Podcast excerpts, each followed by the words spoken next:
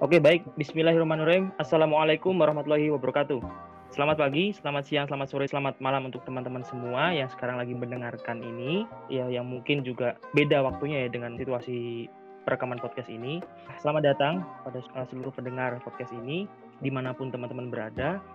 Ini adalah podcast pertama dari Himpunan, terutama Departemen Sosial dan Lingkungan, di mana podcast ini akan membahas tentang eh, isu-isu yang sedang booming nih, terutama di lingkup uh, agrobisnis perikanan atau jurusan sosial ekonomi perikanan dan kelautan. Nah, untuk podcast pertama ini kita akan membahas tentang hal yang mungkin masih hangat ya, yang masih baru diperbincangkan dan yang menjadi permasalahan baru juga karena uh, hal ini adalah menyangkut dengan kondisi perkuliahan kita yaitu daring di mana kita waktu semester ini ya sekarang ini bulan Desember ini kita sudah berkuliah secara daring tapi ternyata di tahun depan kita akan daring lagi. Nah di sini aku berusaha mencari narasumber yang sekiranya bisa menjelaskan tentang kondisi daring ini mulai mungkin dari yang telah dialami atau mungkin kemungkinan di semester depan itu bagaimana kondisinya. Nah pada kali ini aku gak sendirian jadi aku ditemani dengan lima orang yang akan menemani jalannya kegiatan podcast ini. Yang pertama ada Mas Kahim ya, Mas Raihan Noval. Jadi Mas Raihan Noval ini adalah ketua himpunan dari jurusan Sosial Ekonomi Perikanan dan Kelautan Universitas Brawijaya. Halo Mas Raihan. Halo Saldo. Oleh, halo halo halo. Oke, Mas Raihan ini juga kayaknya masih di Malang Mas ya? Iya, posisi sekarang lagi di Malang. Hmm, oke oke oke. Setelah Mas Rehan, ini ada ketua tingkat dari angkatan 2017. Ada Mas Ridwan. Halo Mas Ridwan. Halo. Tuh, terdengar suaraku Mas ya? Iya, terdengar. Tuh, ini ini kok sumbernya sama ya? Sama Mas Rehan nih? Iya, soalnya lagi kebetulan berbarengan. Oh, iya iya iya. Oke oke. Jadi satu device saja. oke.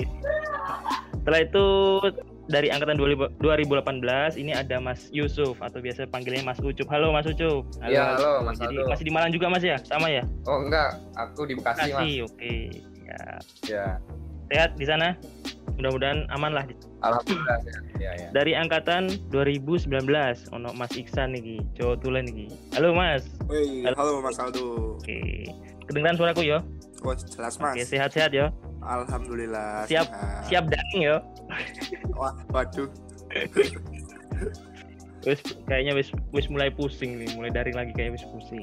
Nah, untuk yang terakhir, eh, narasumber kita yang terakhir ini yang spesial nih dari adik kita semua ya, dari angkatan 2020. Namanya adalah Mbak Tasya. Halo Mbak Tasya. Halo Kak. Halo ya Mbak Febriona Anastasia ini ternyata yang buat aku kaget tadi ternyata uh, Mbak Tasya ini asalnya dari Papua teman-teman tuh. Iya, Jadi betul sekali Kak. Iya jauh banget. Kenapa kok milih UB? Tertarik aja gitu Kak. Kayak hmm. ada yang narik gitu ke sana gitu Kak. Oke. Okay. Pernah ke Malang berarti ya? Pernah Kak. Itu kapan tuh? 2018 Kak. Oh mampir ke UB dong berarti? Iya Kak. Hmm oke okay, oke okay, oke. Okay kirain masuk UB itu karena mungkin dapat beasiswa. Biasanya kan kalau dari teman-teman Papua ya temanku ya itu yang kuliah di UB itu beberapa itu ada yang karena beasiswa gitu atau iya, mungkin ya, ada beberapa, uh, kak, gitu kak. beasiswa dari pemerintah kalau nggak salah ya bener ya? Iya ada kak. Ah ya itu. Jadi langsung aja aku mau bertanya dulu nih tentang keluh kesah selama menjalani perkuliahan daring ini terutama dari Mas Kahim dulu nih. Gimana Mas Kahim pribadi Mas Kahim sendiri terus atau mungkin juga menurut organisasi Mas Kahim ini gimana? Apa yang dikeluh kesahkan selama proses daring ini? Gimana Mas? Oke, halo Mas Aldo. Halo, halo. Halo teman-teman semuanya. Oke, mungkin di sini saya mau jawab secara general dulu ya hmm. tentang keluh kesah perkuliahan daring ini. Mungkin kalau dari saya sendiri kan angkatan 2017 dan semester akhir juga. Jadi untuk perkuliahan ini sebenarnya nggak terlalu banyak mata kuliah yang saya ambil di semester ini. Cuman kalau untuk sistemnya sendiri, perkuliahan daring ini ada plus minusnya kalau menurut saya. Untuk plusnya sendiri kita bisa lebih fleksibel. Untuk kelasnya kapan mana aja itu kita bisa. Cuman untuk um, minusnya sendiri, jujur itu rasa males mungkin. Mungkin di teman-teman yang lain juga sama ya. Hmm. rasa malas apalagi kalau ada kuliah pagi. Mungkin itu sih kalau kesal secara general yang saya alami. Daya tarik kasur tuh makin kuat ya kalau makin daring gitu masih ya? betul betul. Kasur itu udah yang paling susah sih dilawan. Daya tarik kasur sama hawa Apalagi kan Mas Ferhan nih kayaknya lagi di Malang kan, terus ya tahu sendirilah hawa di Malang gimana kan, apalagi sekarang lagi musim hujan gitu Mas ya. Iya betul banget, apalagi lagi hujan terus kan nih belakangan ini. Nah, ya mudah-mudahan sama hujan itu udah kombinasi yang paling bagus. bagus amin amin amin. Jadi kalau dari Mas Ryan seperti itu teman-teman. Jadi pada intinya adalah yang uh, menjadi kendala adalah kemalasan. Nggak masalah itu hal yang wajar. Karena memang kondisinya daring, sering kuliah secara online juga kan ya mungkin di kos-kosan dan sebagainya akhirnya ya itu tadi ada sebuah magnet ya yang di dalam kasur itu yang menarik Mas Rehan untuk tidur lagi tidur lagi gitu.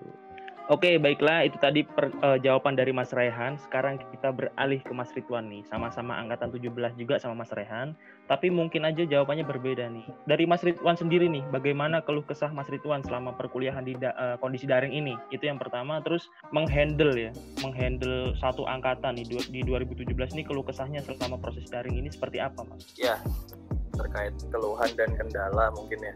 Jadi kalau untuk keluhannya sendiri itu saya sebagai ketua angkatan ya kan banyak keluhan dari teman-teman angkatan saya sendiri terutama yang bertempat tinggal di daerah kurang asupan sinyal banyak kan mengeluhkan nih terkait perkuliahan, tugas dan jam mata kuliah yang berubah-ubah. Mm-hmm, benar. Terkait mekanisme perkuliahannya sendiri mungkin dikarenakan kondisi teman-teman angkatan saya itu kebanyakan pulang dan kalau memang sudah di rumah itu pasti ada hal yang harus dikerjakan tuntutan keluarga lah ya. Nah itu bisa menjadi sebuah kendala sendiri salah satu hal tersebut kemudian untuk kendala bagi saya dalam perkuliahan daring ini sebenarnya tingkat kemalasannya yang meningkat ya karena hmm. kondisinya kita ber berkuliah di rumah kemudian bisa di mana saja tempatnya fleksibel sehingga kita mampu mengatur kondisi kita sendiri mau seperti apa okay, entah okay, kita okay. mau sambil tiduran entah kita mau sambil makan kalau perkuliahan seperti biasa pada di kelas pada umumnya kita kan pasti dituntut untuk sopan diam dan harus sesuai dengan etika yang berlaku lah di dalam kelas. Tapi hmm, dengan hmm, hmm. perkuliahan daring seperti ini justru membuat kita lebih bebas namun menjadi sebuah kendala juga karena terlalu bebas ini membuat kita kurang fokus pada material yang dibawakan. Itu hal yang terjadi tapi terkadang aja sih. Oke okay, oke. Okay. berarti lebih ke iki ya mas ya cara mengimbangi waktu lah. Karena juga ada beberapa angkatan 2017 mungkin yang di rumah yang mungkin juga punya kesibukan sendiri ya di rumah. Yang punya keluarga terus punya kegiatan di apa rumah rumahnya juga kan. Terus gimana nih caranya mengimbangi dengan antara tugas? Aku langsung coba meloncat ke angkatan 2018 di sini ada Mas Ucup. Halo Mas Ucup Iya, halo Mas Aldo. Oke, halo. Jadi di sini terkait kondisi ya, kondisi Mas Ucup sendiri nih di perkuliahan daring ini seperti apa nih menurut keluh kesah Mas Ucup sendiri? Jadi kan Mas Ucup di sini kan juga pastilah punya keluh kesah selama daring karena kan uh, mungkin juga kaget ya yang awalnya kuliah itu biasa offline atau luring sekarang langsung daring ya kan apalagi ditambah Mas, Mas Ucup ini juga menghandle angkatannya seperti itu kalau Mas Ucup sendiri keluh kesahnya seperti apa Mas? Iya baik. Terima kasih pertanyaannya buat Mas Aldo. Terkait uh, keluh kesah ya kalau keluh kesah secara pribadi uh, kalau dari aku sih kuliah secara uh, luring pun itu ada keluh kesah ya apalagi secara daring. Tidak jauh beda dari tadi penjelasan dari Mas Rehan dan Mas Ridwan. Iya. uh, yang pertama itu terkait uh, kondisi aku sendiri kan kebetulan uh, tidak di Malang melainkan hmm. di tempat asal di Bekasi gitu Nah, di mana uh, di sini ada prioritas yang terbagi gitu. Jadi fokusnya terpecah antara kuliah sama perihal keluarga seperti okay. itu. Nah, terus yang kedua juga memang ya kalau di FPIK uh, eh, mungkin jadwal kuliah itu suka berubah-ubah ya. Uh, mm, benar. Tidak tahu sistemnya mungkin yang belum paten uh, dengan univ lain atau mungkin beda dengan fakultas lain. Uh, cuman mm. nyatanya di FPIK kan masih seperti itu ya. Nah, mm. uh, kalau menurutku uh, di masa daring seperti ini itu menjadi uh, kendala juga menjadi kendala di mana jadwal kuliah ini berubah-ubah tapi tidak jelas gitu. Selalu tidak jelas. Mungkin alangkah lebih baiknya ke depannya uh, ini kan juga sudah ada SK seharusnya uh, dari pihak uh, birokrasi mungkin ya mengatur sedemikian rupa agar jadwal perkuliahan ini menjadi paten gitu. Seperti di kampus-kampus lainnya lah itu nah melihat angkatan sendiri ya justru uh, dengan adanya jarak dan perbedaan waktu seperti ini jadi segala masalah segala keluh kesah teman-teman juga rata-rata hampir sama tapi untuk menyelesaikannya itu juga termasuk sulit sih. Mm-hmm. Seperti itu. Berarti kalau dari Mas Ucup ini 11-12 lah, similar sama jawaban dari Mas Rehan sama Mas Ridwan tadi ya? Iya, benar. Sebenarnya ditambah lagi ini sih Mas, apa terkait praktikum ya, terkait praktikum itu oh, iya. sistemnya juga sekarang daring ini mulai berubah ya. Mungkin dari pihak birokrasi pun masih masa peralihan gitu antara ah, iya. dan juga daring seperti ini. Sehingga yang tadinya praktikum ini kita turun ke lapang atau ke masyarakat jadinya uh, dilakukan secara daring atau di rumah saja. Terus juga yang tadinya praktikumnya secara kelompok sekarang jadi individu tuh beberapa mata kuliah yang terkenal FPK ini uh, sering praktikum itu menjadi praktikum kelompok semua hampir rata-rata seperti itu. Hmm. Berarti nambah lagi nih kendalanya kalau tadi dari Mas Rehan ini daya tarik kasur yang kuat ya kan kalau dari Mas Ridwan ini mungkin manajemen waktu terus ternyata kalau dari Mas Ucup ini ada tambahan lagi yaitu tentang praktikum ini jadi masalah awal. Karena mungkin benar sih kalau kata Mas Ucup jadi bukan hanya kita selaku mahasiswa yang mengalami masa peralihan ya dari sistem ini tapi juga birokrasi itu juga pasti mengalami masa peralihan di mana kan mereka juga memiliki alur koordinasi yang mungkin bisa dibilang rumit lah kan dari sebuah birokrasi univ ntar kalau sudah jadi nanti disampaikan ke fakultas nanti baru disalurkan ke dosen-dosen bagaimana sistem A sistem B seperti contohnya sistem praktikum tadi nah semoga sih di tahun depan ya mas ya semoga di tahun depan ini eh, hal-hal uh, seperti ini harus sudah diatasi karena memang ini sebuah urgensi gitu sih iya betul betul oke sekarang kita lanjut ke Ketua Tingkat Angkatan 2019. Di sini ada Mas Isan nih. Halo Mas Isan. Halo Mas Aldo. Gimana Mas? Ya opo Mas iki kuliah ya kok daring mana Mas? Keluh kesah sampean Mas. uh, kalau bicara soal keluh kesah nih sebenarnya banyak banget sih Mas. hmm, Cuma mungkin lebih concernnya ibaratnya yang benar-benar berbeda nih dari perkuliahan secara luring atau offline uh, dari daring sendiri mungkin yang jadi masalah atau kendala utamanya adalah uh, teknisan pelaksanaan kuliah yang tidak seperti biasanya. Mungkin hmm. oke okay, penjelasan dari kebanyakan dosen terbagikan menjadi dua.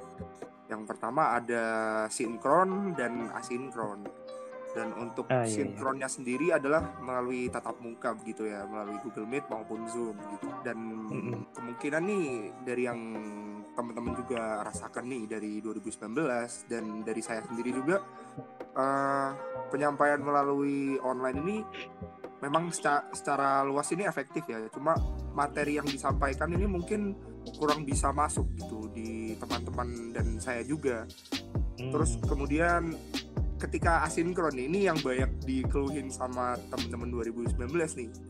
Oke, asinkron pertemuan ditiadakan secara Zoom atau Meet ya.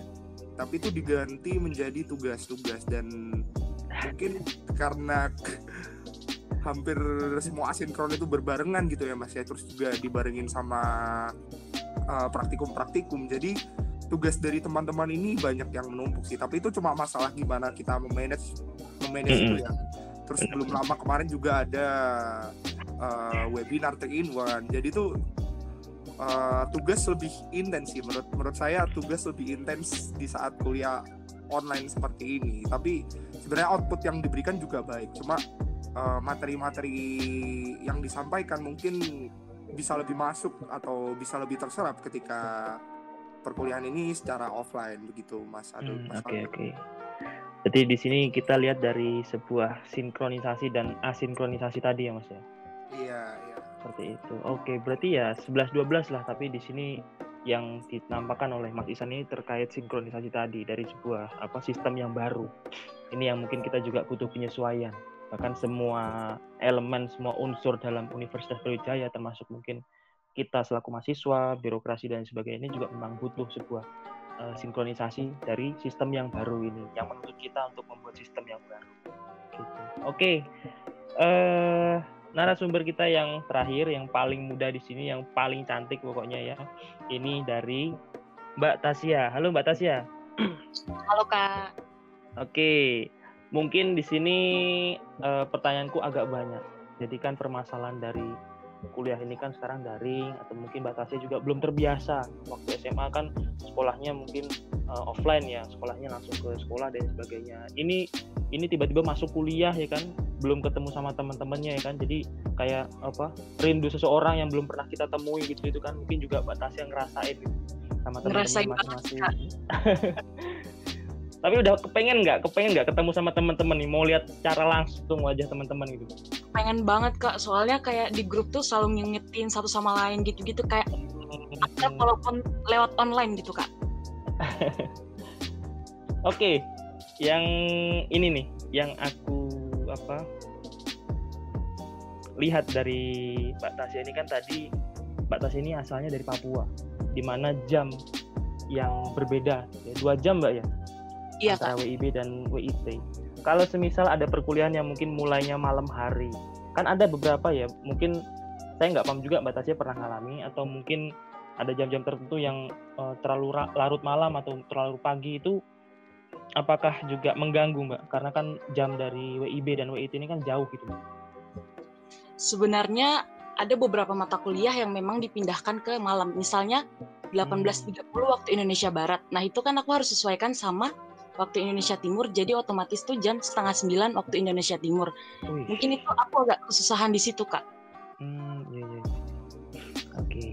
Terus kalau terkait ini nih, uh, kita kan biasanya kalau masih maba nih, masih mahasiswa baru ini kan bingung bukan tentang SKS itu apa sih, terus apa uh, caranya ngisi. Oh ya, tapi belum belum ini ya, belum waktunya ya, cara ngisi ya, apa, mata kuliah itu apa itu kan pasti Mbak Tasya ini masih bingung ya kan? Iya, Tapi Kak, udah paham nih sekarang? Bingung banget Kak, soalnya nggak ada sih kakakku di sini yang udah kuliah tapi kan sistemnya hmm. pasti akan berbeda dengan kampus yang satu dengan yang lain gitu kan kak iya benar ya aku ya gitu kak harus dijalani aja walaupun emang agak bingung dan nggak tahu arahannya harus gimana gitu kak oke okay, oke okay.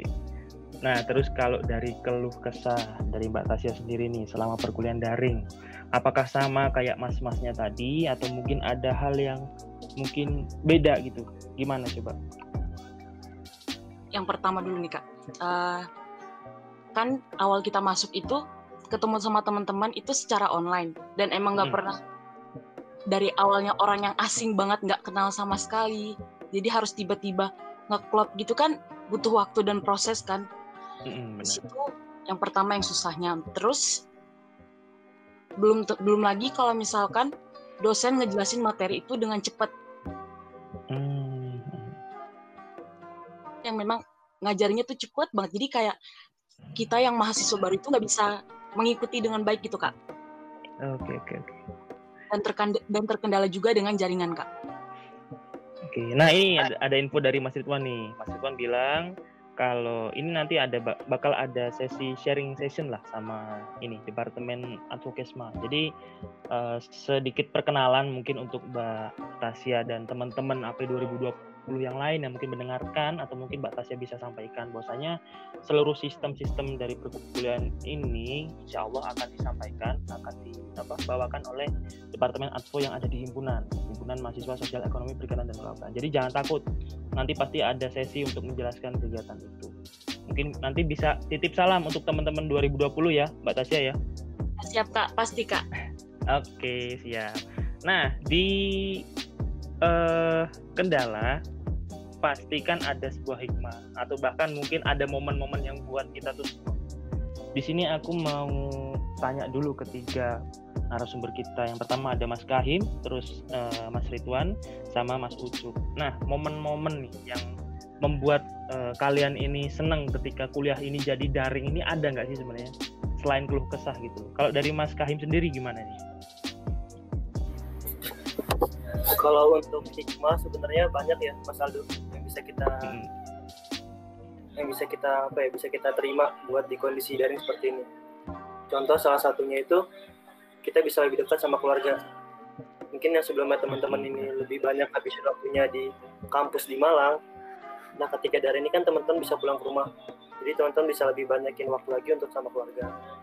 Selain itu teman-teman juga uh, relasi kita bisa lebih melebar. Contoh mungkin kalau tadi kayak disebutin sama Mas Iksan ini kan ada webinar 3 in Nah itu mungkin menurut Mas juga salah satu dampak atau hikmah yang baik dari kondisi daring ini. Jadi kita bisa uh, interaksi dengan orang-orang luar, bahkan dari pihak luar negeri pun kita bisa berinteraksi lebih banyak. Mungkin itu salah satu hikmah atau dampak positif dari kondisi COVID ini. Mungkin dari teman-teman yang lain. Kalau dari Mas Ridwan gimana nih? Ada hikmah atau mungkin dampak positif nggak dari daring ini? Iya, uh, kalau dari aku sendiri untuk hikmahnya benar kata Mas Rehan tadi fleksibilitas kondisi jadi kita lebih mudah untuk melakukan apa pun meskipun dalam kegiatan perkuliahan okay. kalau dari saya sendiri mungkin terkait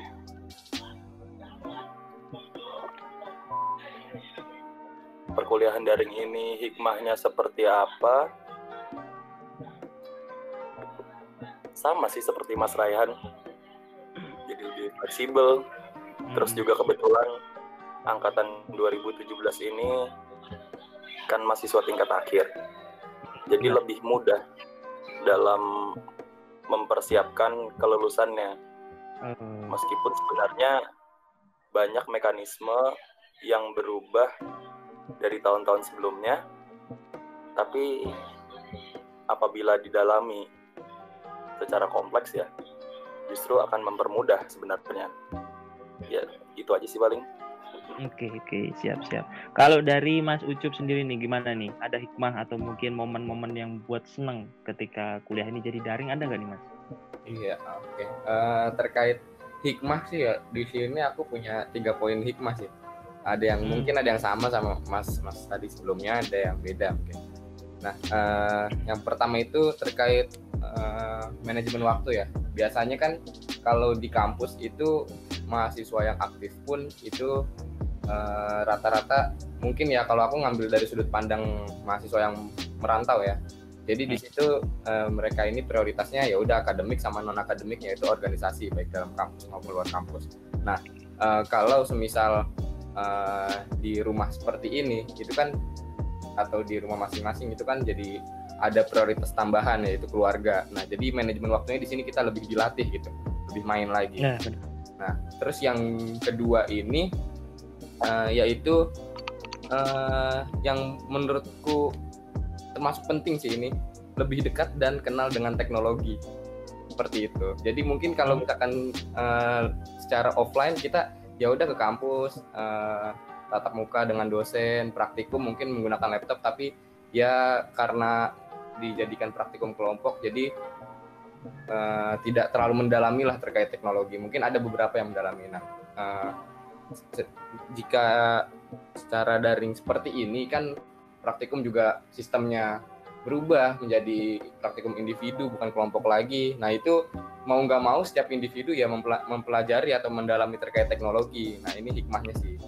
Okay, Terus okay, okay. Uh, yang poin ketiga ini ya sesuai dengan tujuannya diadakan diadakan daring ya hikmahnya kita uh, mungkin lebih terhindar dari COVID itu sendiri yeah, seperti benar. itu. Nah momen-momen senangnya itu uh, ya tadi sudah disinggung sama Mas Rehan dan Mas Ridwan juga jadi lebih fleksibel gitu kita tidak usah beretika berpakaian seperti yang uh, di kampus secara offline atau apa jadi lebih fleksibel bangun tidur langsung kuliah bisa nggak ada waktu mm -hmm. buat di perjalanan atau macam kayak gitu mas iya itu cukup sih dari aku termasuk ini ya UTS sama UAS tuh jadi dipermudah gitu ya nggak sih? Nah itu dia sebenarnya sebenarnya uh, momen-momen senangnya itu seperti itu. Jadi setiap kata eh, kata-kata ujian baik UTS terus UAS atau bahkan nanti eh bahkan UAP itu lebih dipermudah seperti iya. itu. Jadi laptop untuk ngerjain uh, ujian, terus HP-nya nanti untuk buka doa-doa ya doa-doa buka doa-doa atau buka apa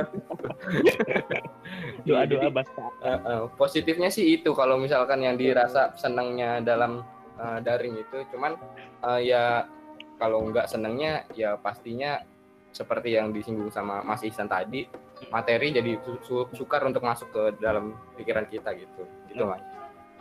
Oke berarti ini yang aku tangkap ada tiga poin nih dari masing-masing narasumber nih. Yang pertama tentang manajemen waktu, kita lebih bisa uh, efektif untuk mengenal siapa diri kita nih, karena kita juga uh, nggak disibukkan oleh kepentingan-kepentingan apa uh, kewajiban kita gitu. Jadi kalau kita sering di rumah kan kita juga lebih bisa lebih mengenal diri kita. Jadi kita bisa paham jadi, uh, apa gimana cara kita ya seni kita untuk memanajemen waktu kita masing-masing. Terus yang kedua juga kita lebih mengenal teknologi lebih dalam kan. Sama contohnya kayak aku aku yang awalnya nggak bisa desain kan nggak bisa desain apa uh, untuk Instagram dan sebagainya untuk ngerapihin feed Instagram sekarang malah jadi bisa terus yang ketiga sih terkait fasilitas ini bener banget nih kata Mas Rehan tadi ya sekarang ada webinar ya kan di mana-mana. Yang awalnya kalau kita ikut seminar tuh harus datang ke tempatnya mungkin uh, ke gedung-gedung atau ke hotel dan sebagainya bayar juga kan. Tapi sekarang webinar kita cukup tidur kita buka linknya masuk join udah kita dengerin udah gitu itu enak banget. Karena kan uh, kita kalau dengerin sesuatu ya kan sambil tiduran tuh kayaknya nyaman. gitu. Kecuali kalau dengerin seminar sambil duduk tegang itu kan ngeliatin pematerinya kadang juga ngantuk gitu kan mungkin juga uh, ini. Jadi ada emang hikmah banyak banyak hikmah juga yang didapat dari sini. Itu tadi contohnya. Nah sekarang kita berlanjut ke Mas Iksan nih. Ya opo Mas? Apakah sama nih uh, setiap puas UTS atau hikmah lainnya nih? Ada nggak sih? Atau mungkin tadi nih was UTS Mas Iksan nih uh, sebelah kiri laptop sebelah kanan HP-nya buka doa-doa apa? Gitu juga Mas iya Mas Aldo sepertinya tidak begitu benar dan tidak begitu salah sih. Oke. Okay. oh tidak begitu salah juga mas? tidak begitu salah juga. Okay. Terus gimana nih mas hikmahnya nih selama perkuliahan daring nih apa yang dirasa uh, Mas Isan ini wah ternyata daring ini juga bisa membuat aku ini aku itu dan sebagainya gimana nih mas? Oke okay, Mas Aldo.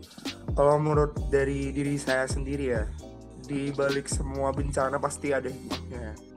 Dan untuk hikmahnya sendiri di daring ini juga banyak sih ya yang pertama jelas lebih dekat dengan keluarga. Terus kemudian uh, terbatasnya akses kita untuk keluar jangan dijadikan sebagai halangan gitu dengan begitu kita bisa mengeksplor lebih apa yang ada di sekitar kita menurut saya seperti hmm. itu sih mas. Dan untuk saya pribadi sendiri kan uh, karena ini jamnya lebih fleksibel jadi saya untuk mencoba uh, memperdalami dari jurusan kita sendiri ya dari sosial ekonomi perikanan terutama jadi saya mencoba untuk mendalami hal tersebut di daerah sekitar saya gitu. Jadi saya uh, mencoba belajar belajar tentang sosial ekonomi juga di daerah sekitar saya itu tapi untuk di teman-teman juga untuk saya sendiri untungnya ada uh, tempat untuk belajar di daerah sekitar saya sendiri untuk belajar hmm. tentang bagaimana uh, lingkup kerja sosial ekonomi sendiri. Jadi saya lebih bisa karena fleksibilitas waktu tersebut, saya jadi bisa belajar lebih gitu. Seperti lingkup kerjanya itu seperti apa, cara kerjanya seperti apa, terus pasar-pasar itu seperti apa. Jadi saya bisa lebih belajar lebih di saat kondisi daring seperti ini. Terus kemudian juga uh, banyak sih sebenarnya kalau misalnya kita lebih kreatif lagi dan kita lebih bisa explore sebenarnya uh, waktu-waktu daring seperti ini memberikan cuan atau peluang-peluang ini banyak banget sih sebenarnya Mas Aldo. Tinggal gimana kita memanfaatkannya aja sih untuk menjadikannya sebuah hikmah. Itu sih Mas Aldo dari saya. Oh iya Mas, kalau ini aku mau tanya dong, kalau baca doa itu webnya itu ya, Brandly itu masih bener ya? kalau kita waktu UTS UAS itu kan kita juga butuhkan untuk apa referensi doa-doa gitu kan. Itu websitenya Brandly itu Mas ya? Oh, banyak Mas. Dari Brandly atau doa bareng teman-teman juga bisa kok Mas. Doa, oh, bi doa bisa. Iya, doa bersama. ya Allah, jangan sampai dosen mendengarkan ya Allah. Amin. Oke, ya kan kita cuma berdoa, berdoa, nggak apa-apa Mas. iya, bener sih. Ya maksudnya jangan sampai riak lah. Masa kita doa sampai didengerin dosen kan jangan sampai. Kan? Yeah. jadi nanti gitu mas. Oke itu dari mas Isan. Kalau dari ya mbak Tasya sendiri gimana nih mbak? Ada hikmah nggak di dalam pandemi ini selama perkuliahan? Hikmahnya sih yang pertama mungkin mas mungkin bisa lebih dekat dengan keluarga itu yang pertama. Terus kalau yang berikutnya terus aku bisa mengeksplor diriku juga tuh loh. Jadi kan aku tinggalnya di daerah yang memang laut banget nih. Hmm. yang memang bisa aku kalau ke pasar gitu ngelihat orang-orang jualan ikan tuh kayak Ih, gimana sih caranya mereka bisa kayak gitu? Kayak aku pengen cari tahu apa aja sih yang mereka lakuin di uh, pasar tersebut untuk jual-jualan ikan mereka dapat dari mana aja. Tapi yang aku lihat dari tempatku itu uh, mereka tuh langsung ngambil dari laut tuh loh jadi ikannya masih seger. Gitu-gitu hmm. itu kayak seru banget tuh loh kak. Hmm. itu sih yang aku ambil hikmahnya kak. Uh, ini pernah nggak uh, jadi ilmu-ilmu yang yang dari lapang ya yang uh, Mbak Tasya ini dapatkan terus tiba-tiba nih sinkron sama apa mata kuliah yang kebetulan hari itu tuh Mbak Tasya ampuh gitu loh Mbak Tasya apa uh, jalani gitu. Pernah nggak sih ada momen itu gitu? Iya pernah kak. Mata itu kuliah. waktu apa tuh? Alat penangkapan ikan kak. Oh iya iya, iya. itu sih kak. Jadi aku bisa ngelihat gitu kak. Secara langsung oh gini oh gini gini gini toh gitu kak Oh, jadi yang enak. dijelasin gitu. sama dosen itu bener-bener bisa aku terapin gitu kak Hmm, ya itu sih. Berarti enaknya di situ ya, iya kak hikmahnya. Oke, jadi dapat disimpulkan bahwasanya ternyata pandemi ini juga menjadi apa ya? eh, peluang baru sebenarnya. Emang bener sih peluang baru. Yang awalnya masker kain nggak laku, sekarang jadi laku. Terus mungkin juga eh, dulu itu hand sanitizer sampai harganya melangit juga kan sekarang juga walaupun udah menurun tapi kan sempat ya sempat harganya melangit ya, jadi pada intinya eh, pandemi ini justru menjadi peluang baru gitu untuk teman-teman yang mungkin masih bingung untuk berbisnis bisa mulai dari nol bisa bersaing dengan orang-orang yang punya pengalaman berbisnis. Jadi sama-sama mulainya dari nol.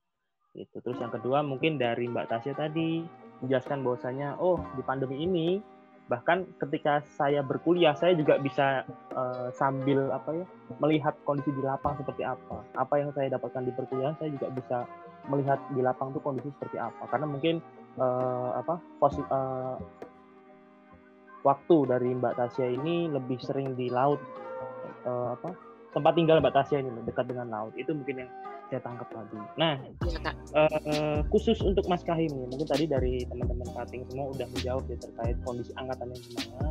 Tapi kalau untuk Mas Kahim sendiri nih, kondisi himpunan nih selama daring ini gimana nih? Oke Mas Aldo, kalau terkait kondisi himpunan ya, mungkin sebenarnya sama kayak instansi-instansi ataupun negara. Pada saat awal corona itu kan kita kolaps Hmm, kan tempat juga kan kebingungan. Nah, sama nih kondisi himpunan juga pada saat awal terjadi pandemi terus adanya peliburan sampai bulan Mei waktu itu awalnya. Itu kita kebingungan. Jujur kebingungan. Karena emang program-program kita yang sebelumnya ini dirancang untuk kegiatan luring atau kegiatan lapang secara langsung ini kita harus beradaptasi. Kita harus gimana cara kita konsep kegiatan kita ini ke arah daring itu mungkin Mas Aldo. Pada awalnya kan masih belum ada kejelasan juga ya dari birokrat ini tentang keputusan semester awal ini semester ganjil ini apakah akan daring atau luring? Itu kan waktu itu sempat jadi perdebatan juga masih belum jelas. Hmm. nah di situ untuk teman-teman himpunan mau memprogram proker-proker itu juga jadi bingung. Mau dibikin daring atau mau dibikin luring untuk semester depan? Karena masih belum ada kejelasannya. Tapi setelah ada kejelasan dari pihak birokrat dari univ dari Mendikbud juga kita di sini jadi lebih beradaptasi lagi sih untuk kegiatan-kegiatannya. Jadi lebih banyak yang bisa kita luangkan ke dalam bentuk dari. Mungkin kalau Hmm. untuk luring ini sendiri kan butuh protokol ya? Iya. protokol yang harus kita laksanakan dengan baik. Itu tuntutan dari birokrat. Kita juga nggak bisa egois kalau kita mau tetap melaksanain kegiatan-kegiatan itu. Takutnya kan nanti malah merugikan pihak-pihak terkait bisa birokrat nama univ juga nama instansi kita. Itu mungkin yang saldo sama mungkin dari saya pribadi tentang kondisi daring ini eh, lebih ke controllingnya sih Mas Aldo. Controlling teman-teman pengurus himpunan. Kalau yang sebelumnya ini kita ada dua cara untuk controlling kita bisa kontrol secara langsung. Kalau di Malang ya kita bisa kontrol secara langsung. Kalau ada kendala kita bisa ketemu terus yang kedua kita bisa juga alat komunikasi. Tapi di kondisi daring ini yang jadi tumpuan utama kita ini cuma alat komunikasi. Jadi semisal ada kendala-kendala atau hal yang lainnya mau nggak mau kita berpatokan itu sama alat komunikasi. Ketika Oke, nanti di alat komunikasinya ada masalah semisal kayak slow respon atau mungkin susah sinyal dan sebagainya itu yang bikin kita rada apa ya sedikit sulit juga sih untuk mengatasi solusi-solusi nah, memberikan solusi-solusi untuk masalah tersebut. Tapi di balik itu semua sebenarnya ada hikmahnya banyak sih Mas Agung. kita jadi lebih adaptasi lagi untuk kondisi kayak gini ini kan eh, nggak terduga juga ya yang sebelumnya mungkin kita ini kayak ngekonsep tuh kurang lebih sama kayak tahun-tahun sebelumnya nih kondisinya kita tahun depan mau ngapain mau ngapain mau ngapain cuman dengan adanya covid ini kita lebih jadi apa ya orang yang adaptif sih mungkin teman-teman di sini juga yang sekarang lagi merasakan dampak dari COVID ini, kita bersyukur juga harusnya. Kenapa? Karena kita uh, jadi apa ya pribadi yang lebih adaptif, yang lebih siap nanti untuk menerima tantangan-tantangan ke depan. Mm -mm, siap mantap. Terima kasih jawabannya dari Mas Rituan. Nah, itu mungkin tadi dari apa ya kendala-kendala selama perkuliahan. Nah di sini di semester apa ya ketiga ya ini kita kan uh, perkuliahan daring ini masuk semester ketiga berarti di bulan Januari nanti karena uh, kita daring ini kan mulai bulan Maret ya jadi semester genap itu oh, dapat setengah setengahnya kita daring lalu pada semester ini ya semester ganjil ini kita daring lagi dan ternyata semester depan ini daring nah uh, dari dua semester yang sudah kita alami sama-sama itu kan pasti kita juga bisa menilai kekurangan dari birokrasi yang mungkin tadi sudah dijelaskan oleh semua teman-teman. Di sini aku mau tanya, menurut uh, teman-teman semua di sini uh, terkait kesiapan nih, kesiapan dari Universitas Brawijaya, Brawijaya sendiri, ter, uh, terutama dari apa fakultas kita, Fakultas Perikanan dan Ilmu Kelautan, terkait persiapan dari seluruh sistem ya yang sudah disajikan selama ini. Apakah menurut teman-teman di sini sudah siap? Itu yang pertama. Untuk uh, mulai daring lagi nanti di bulan Januari, atau mungkin ada hal yang harus dibenahi seperti itu. Saya mau tanya dari Mas Kahim dulu yang pertama. Monggo Mas.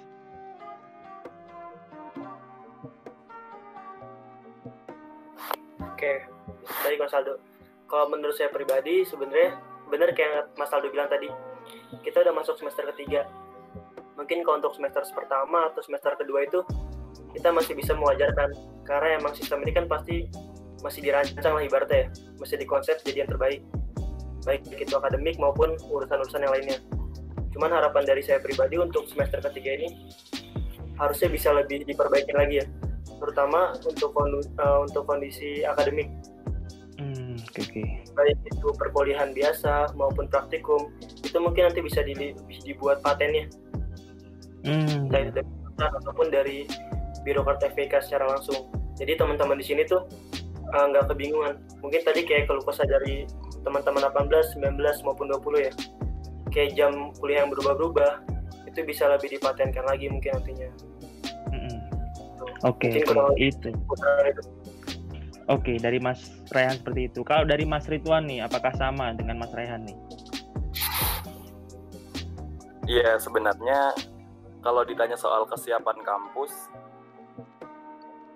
kampus ini udah berusaha adaptif ya, yeah. melalui penyediaan media-media yang digunakan seperti Google Classroom, kemudian saat ingin kelas itu menyambung ke Google Meet, itu juga mempermudah mahasiswa dalam mengakses perkuliahan online ini.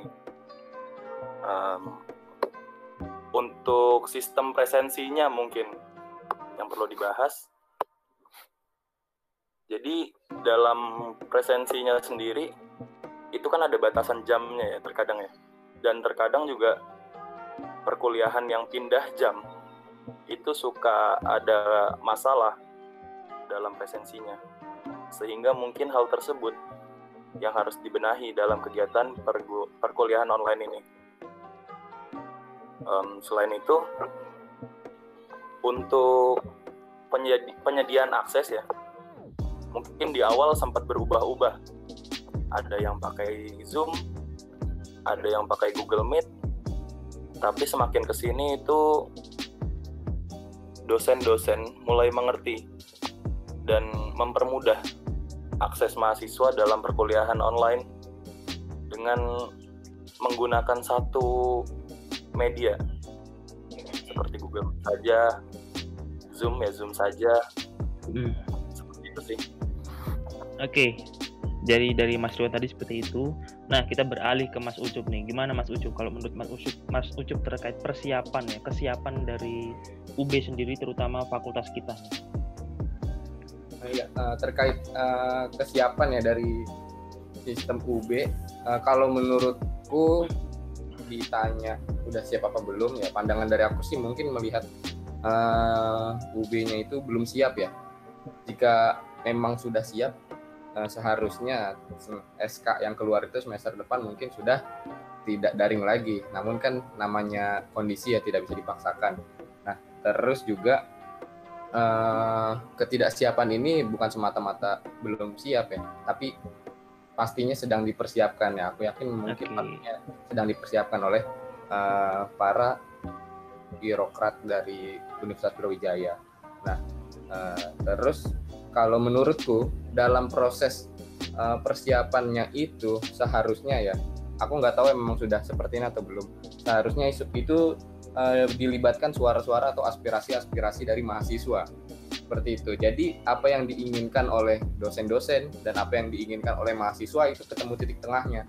Karena uh, kalau menurutku belakangan ini tidak adanya sinkronisasi antara uh, keinginan dari keduanya seperti itu dari dilihat dari jadwal perkuliahan atau praktikum yang berubah-ubah gitu. Tapi setelah diubah oleh uh, pihak A tapi pihak A-nya yang membatalkan pula yang menyangkut paut mungkin terkait sistem ab absensinya itu seperti itu.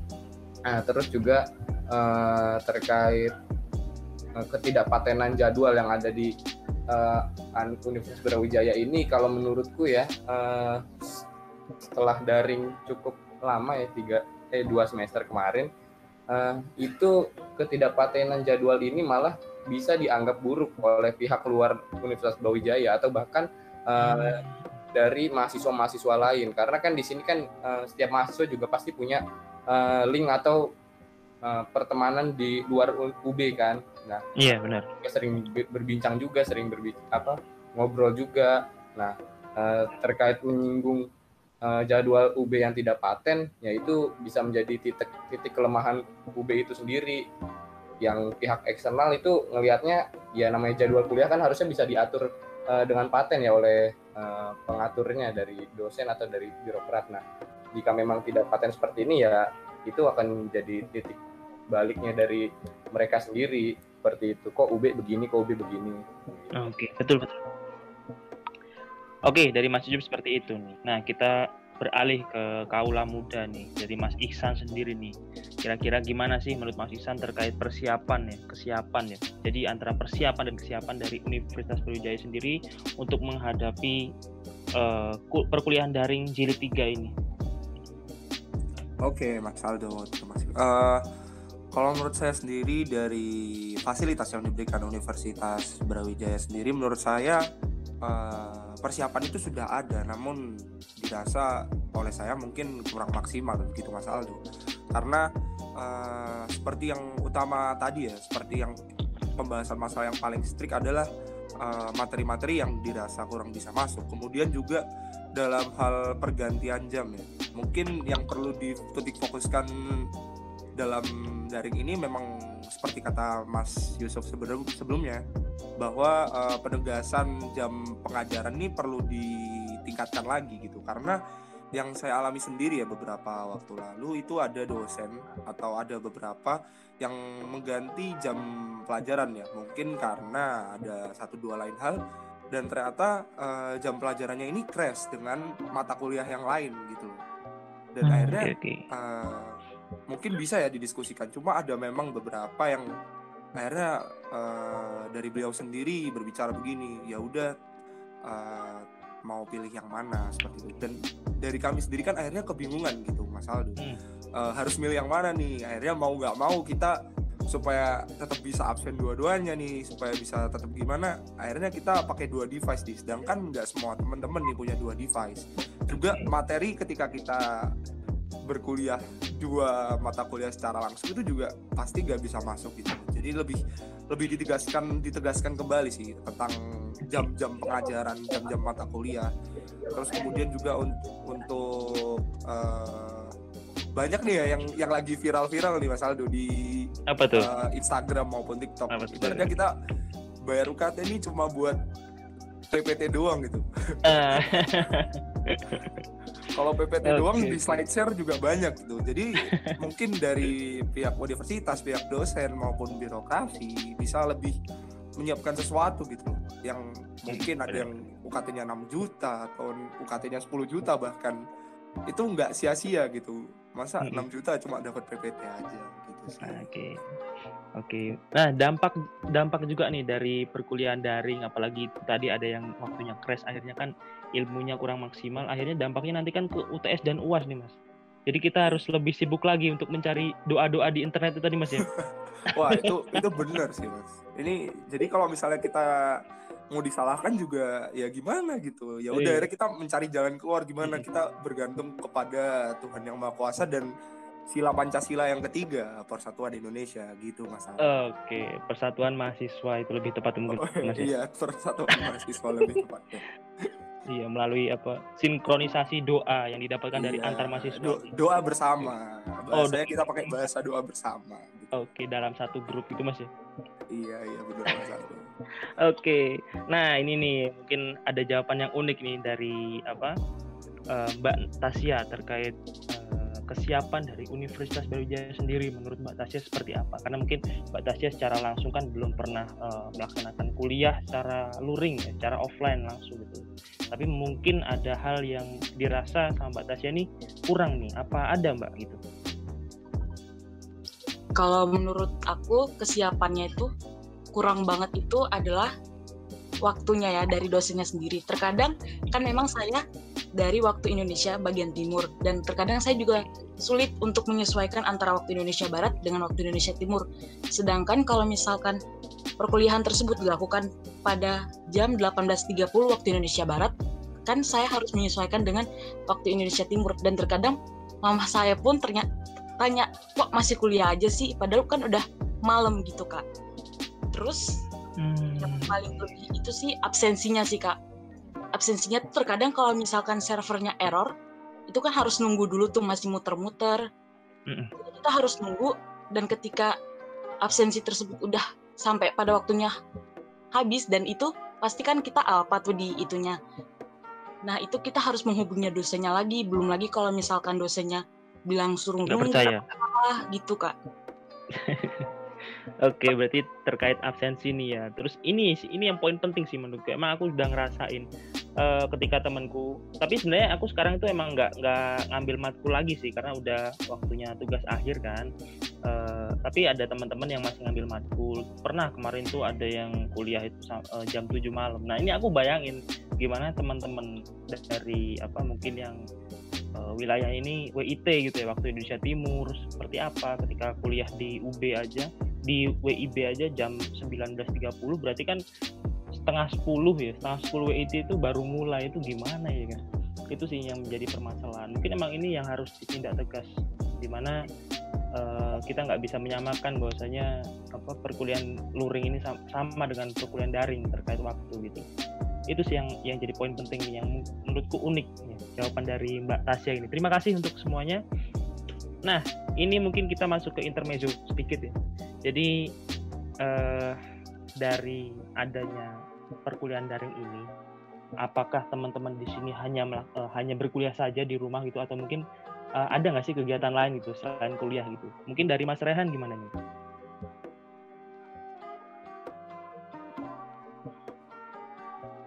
Halo, Mas Rehan? Oke. Okay. Halo, halo. Oke, okay, oke, okay. masuk, masuk.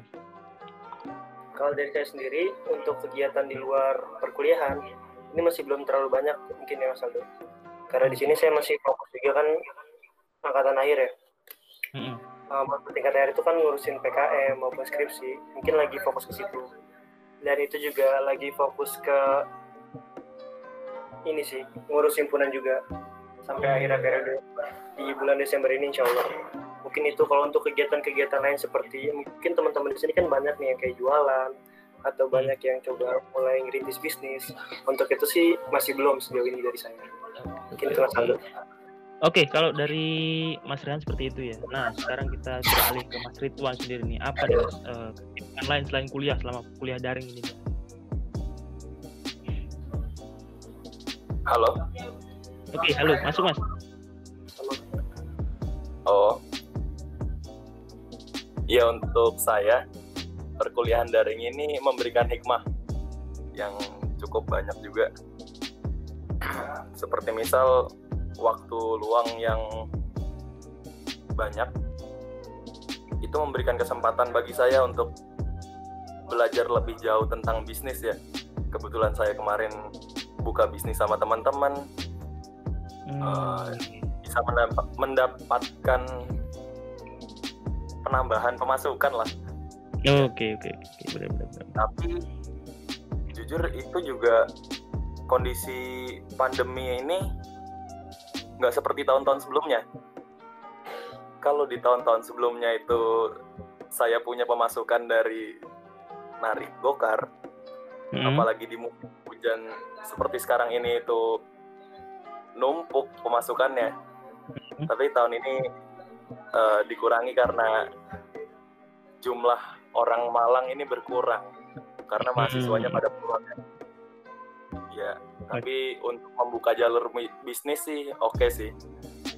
Terus juga kedekatan dengan keluarga itu bisa lebih meningkat ya nggak hmm. seperti yang biasanya itu perkuliahan enam bulan di Malang kemudian di waktu liburan semester itu baru pulang. Kalau ini saat perkuliahan saya masih bisa ikut jalan-jalan sama keluarga Nah itu kan hmm. juga meningkatkan keharmonisan ya. Iya benar-benar. Ya udah. Berarti ini selain kuliah ini juga Mas Sultan berusaha untuk apa ya? melakukan kegiatan mungkin healing season lah sama keluarga gitu ya. Iya betul banget. Oke. Okay. Mas uh, dari Mas Ridwan seperti itu. Kalau dari Mas Ucup sendiri nih, apa nih kegiatan selain perkuliahan di di masa pandemi ini? Uh, ya, uh, kegiatan selama pandemi selain perkuliahan ya eh, rata-rata uh, masih sama seperti uh, offline ya yaitu uh, di non akademiknya juga masih aktif baik di himpunan maupun di yang lainnya. Nah, tapi mungkin ada tambahan yang dibilang tadi Mas Ridwan tadi tentang membuka bisnis ya benar ya. Kebetulan saya juga hmm. sudah mencoba untuk uh, terjun ke dalam uh, dunia bisnis. Nah namun kalau dari aku sendiri itu memang kendala terkait jadwal UB yang gak paten itu sih yang membuat uh, bisnis aku ini kebetulan uh, sedang vakum gitu. Dan kebetulan aku kan jalanin bisnisnya sampai berdua sama temenku. Nah dia di uh, kampus lain di Trisakti yang mana jadwalnya sudah tersusun rapi, sedangkan aku yang masih berganti-ganti seperti itu. Jadi hmm, okay, okay. sudah adanya pembagian tugas pun ya namanya jadwal masih nggak jelas gitu jadi itu jadi kendala sih Oke, berarti ya ini lagi ya masuk ke kendala jam lagi. Ini kayaknya hal yang krusial nih untuk uh, apa ya wirausahawan muda nih yang udah mulai berbisnis sambil berkuliah, apalagi di masa pandemi. Ya mungkin untuk uh, apa siapa pun yang mendengar supaya semoga uh, terkait apa ya jam perkuliahan ini bisa segera diurus dengan maksimal supaya mungkin nanti nggak ada lagi ya ceritanya kita nih jadwal kuliahnya nggak pasti gitu tadi ya yang akhirnya kita uh, apa berdoa bersama sama teman-teman atau mungkin Mas Ujub juga ini suka doa bersama tuh Mas pas UTS UAS tuh Mas buka doa, Brandly gitu tuh doa bersama ya kalau menurutku suatu hal yang wajar gak sih setiap kita oh, melakukan okay. sesuatu itu harus berdoa mm -mm, mm -mm, bener Mas iya Berarti itu wajar mas ya, wajar ya. Wajar apalagi buat yo, yo. mahasiswa kayak kita. Mungkin aku sih ya. Bener. Oke, oke, terima kasih Mas Ucu. Kita masuk ke kaula muda lagi nih. Ada Mas Isan di sini. Gimana Mas? Ini kayaknya yang lebih asik, eh, yang apa punya pengalaman lain juga nih. Katanya Mas Isan ini juga uh, apa ikut-ikut apa kerja di tempat udang. Tapi aku kurang paham nih di bagian apa gitu Mas. Bisa diceritain Mas mungkin? Oke oke Mas Aldo. Jadi ceritanya kemarin itu setelah uh, Lebaran ya awalnya nih. Ini agak panjang nggak apa-apa nih? Nggak apa-apa, mau Mas. Oke, saya coba persingkat ya. Jadi ceritanya uh, udah mulai suntuk nih gara-gara gara-gara corona nih.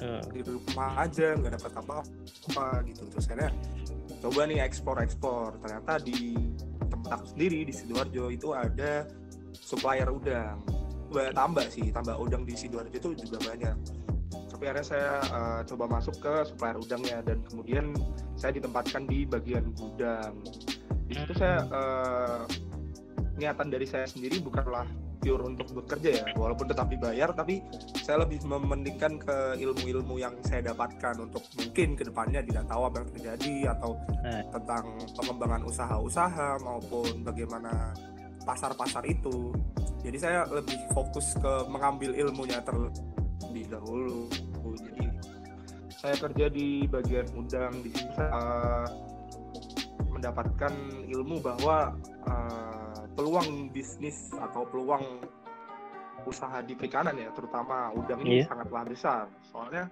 permintaannya tidak hanya domestik tapi juga internasional itu banyak gitu loh. Hmm. yang mereka Wah, itu dan pelajaran-pelajaran yang selama ini saya ampu di agrobisnis perikanan maupun FPK itu masuk semua gitu. Masuk semua. Oh ternyata ini ya udang ini diolah pakai PDTO udang ini kita olah-olah gimana? Terus kemudian mungkin orang lain melihat bahwa keuntungan dari udang atau keuntungan dari perikanan sendiri ini apa sih? Paling ntar jualan ikan. Kebanyakan mereka belum sadar bahwa pasar internasional itu ada gitu. Oke mungkin per kilonya cuma untuknya seribu nih. Tapi kan kita jualnya nggak cuma satu kilo. Kita jualnya sehari 15 ton. 15 ton Wih. 15 ribu kilo. Dikaliin seribu udah dapet sekitar berapa tuh? 15 juta mungkin. Kan itu udah sebuah angka yang fantastis gitu hmm. itu ilmu-ilmu yang saya serap gitu. Terus kemudian juga dalam hal tambah itu saya bisa sharing-sharing dengan teman-teman uh, yang bergelut di bidang tambah-tambah terus juga pemasarannya itu ke mana aja terus kemudian uh, pabrik-pabrik udang eksportir eksportir udang yang membutuhkan udang itu di mana saja.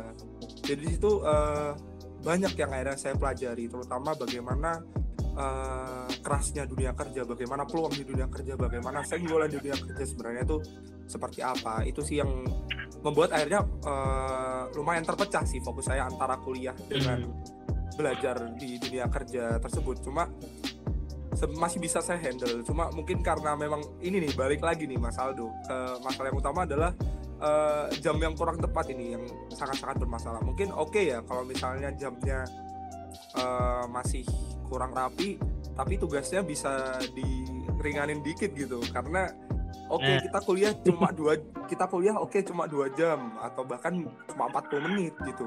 Terus sehari paling mentok tiga mata kuliah. Tapi mohon maaf nih tugasnya tetap 24 jam mohon maaf. Terutama ada yang asinkron nih waduh eh, tugas gak ada habisnya nih. Oke okay. itu yang jadi masalah juga nih berarti mas ya? Iya jadi yang menjadi utama adalah oke kita udah mempersiapkan nih. Emang sebuah resiko ya karena kita kerja juga kuliah itu adalah sebuah resiko ketika kita mengambil keputusan tersebut kita harus bisa manajemen waktu yang ber, advance. Cuma karena kita udah manage nih oke kita udah siapin jam segini gini jam segini kerja. Eh tiba-tiba diubah nih waduh karena akhirnya kita uh, untuk menyesuaikannya kembali itu susah gitu. Iya nah, oke okay, okay. kalau misalnya jamnya bisa lebih di istilahnya lebih dipatenkan. Mungkin kita bisa uh, mempersiapkan itu lebih matang lagi. Gitu sih mas oke. Okay. oke siap. Terima kasih mas jawabannya. Nah ini mungkin nih dari yang paling muda nih dari Mbak Tasya sendiri. Apa nih kesibukannya selain kuliah selama masa pandemi ini mbak? Selain kuliah kesibukannya itu apa ya? Mungkin karena emang baru masuk dan belum mengenal bisnis terlalu mendalam gitu kan kak jadi aku ngambil ngikut UKM gitu kak di fakultas oh. kak. Apa itu, itu? kak yang uh, Visco kak. Oh iya iya iya. Mungkin hanya itu aja sih kak yang selain kuliah rutinitas yang selain kuliah gitu kak. Mungkin juga belajar belajar ke ini ya, ke tadi ke apa? Iya kak. ikan tadi ya. Iya kak. Oke, jadi ya ada nilai plusnya juga gitu kan. Kalau semisal mungkin Mbak Tasya ketika kuliah di UB langsung kuliah offline itu mungkin cuma kuliah aja tapi ternyata ini di waktu masa pandemi ini kuliahnya bisa sambil apa ya belajar nih di lapang langsung karena Pak Tasya diberi rezeki oleh Tuhan. Ada lapang di sana bisa dimanfaatkan. Jadi apa yang didapatkan dari kampus bisa langsung dipelajari langsung ke lapang gitu. Akhirnya mungkin nanti kan Mbak Tasya punya pertanyaan-pertanyaan baru yang akan ditanyakan pada dosen di pertemuan berikutnya. Mungkin gitu Mbak ya? Iya Kak. Benar sekali Kak. Oke. Oke, baik. Jadi terkait jawaban-jawaban tadi sudah menarik sekali ya. Di sini bisa kita ambil uh, apa beberapa inti dari pembahasan ini yaitu terkait kesiapan dari Universitas Brawijaya sendiri untuk menghadapi kuliah perkuliahan daring jilid 3 ini. Ternyata memang masih banyak kendala yang harus diselesaikan. Yang menjadi utama adalah waktu ya manajemen waktu ya. Kita misal sudah manajemen waktu dengan baik tapi ternyata waktu dari kampus ini yang belum pasti terutama terkait jadwal perkuliahan itu tadi yang suka diganti dan sebagainya. Terus mungkin juga praktikum juga kan yang belum memiliki uh, apa paten itu yang tadi mungkin yang dijelaskan oleh Mas Raihan tadi. Terus selain itu juga uh, mungkin terkait fasilitas juga itu kurang maksimal terus dan lain sebagainya. Nah semoga di sini di jilid 3 ini ya di perkuliahan daring jilid 3 ini hal-hal tersebut tidak ada lagi. Itu harapan dari saya dan ini juga mungkin yang jadi topik pembahasan dalam uh, kegiatan podcast kali ini. Oke okay, uh, eh, memasuki di penghujung acara saya mengucapkan sangat amat uh, banyak-banyak terima kasih ya untuk seluruh uh, pemateri yang datang yang terutama dari Mas Rehan. Terima kasih Mas ya Iya sama-sama Saldo, okay. sama-sama teman-teman semuanya. Oke okay, siap. Dari Mas Ridwan juga terima kasih Mas. Oh iya terima kasih untuk semuanya ya. Oke. Okay. Terima kasih juga untuk Sosling. Oke okay, siap. Sama-sama. Oke okay, dari Mas Ucup juga nih saya terima kasih waktunya ya udah mau menemani saya di sini nih. Iya baik Mas Aldo terima kasih kembali buat teman-teman iya, semua juga teman-teman Sosling. Sama-sama. Untuk Ihsan juga nih Mas Ihsan terima kasih banyak Mas. Oke, terima kasih Mas Aldo juga mau terima kasih ke kakak-kakak yang udah sharing juga. Terima kasih buat himpunan yang udah memberikan wadah terutama buat Sosling. Terima kasih banyak. Oke, sama-sama untuk Mbak Tasya sendiri. Terima kasih juga Mas ya, Mbak ya udah mau gabung nih dalam acara kali ini. Iya, terima kasih juga Kak udah diundang ke podcast Kak. For okay. the first time Kak. Mantap. Semoga uh, hal-hal ini bisa didengarkan ya oleh pihak uh, kita, pihak kampus kita bahwasanya ternyata masih ada kekurangan di dalam kegiatan ini. Oke, okay, uh, eh, untuk mengakhiri kegiatan podcast kali ini, uh, terima kasih untuk semuanya sekali lagi saya ucapkan. Semoga hal-hal yang teman-teman laksanakan kali ini menjadi berkah untuk diri kita masing-masing. Amin amin ya robbal alamin. Oke, saya tutup. Terima kasih. Wassalamualaikum warahmatullahi wabarakatuh. Terima kasih teman-teman semua. Waalaikumsalam. Waalaikumsalam warahmatullahi wabarakatuh. Terima kasih Mas Aldo. Oke. Okay.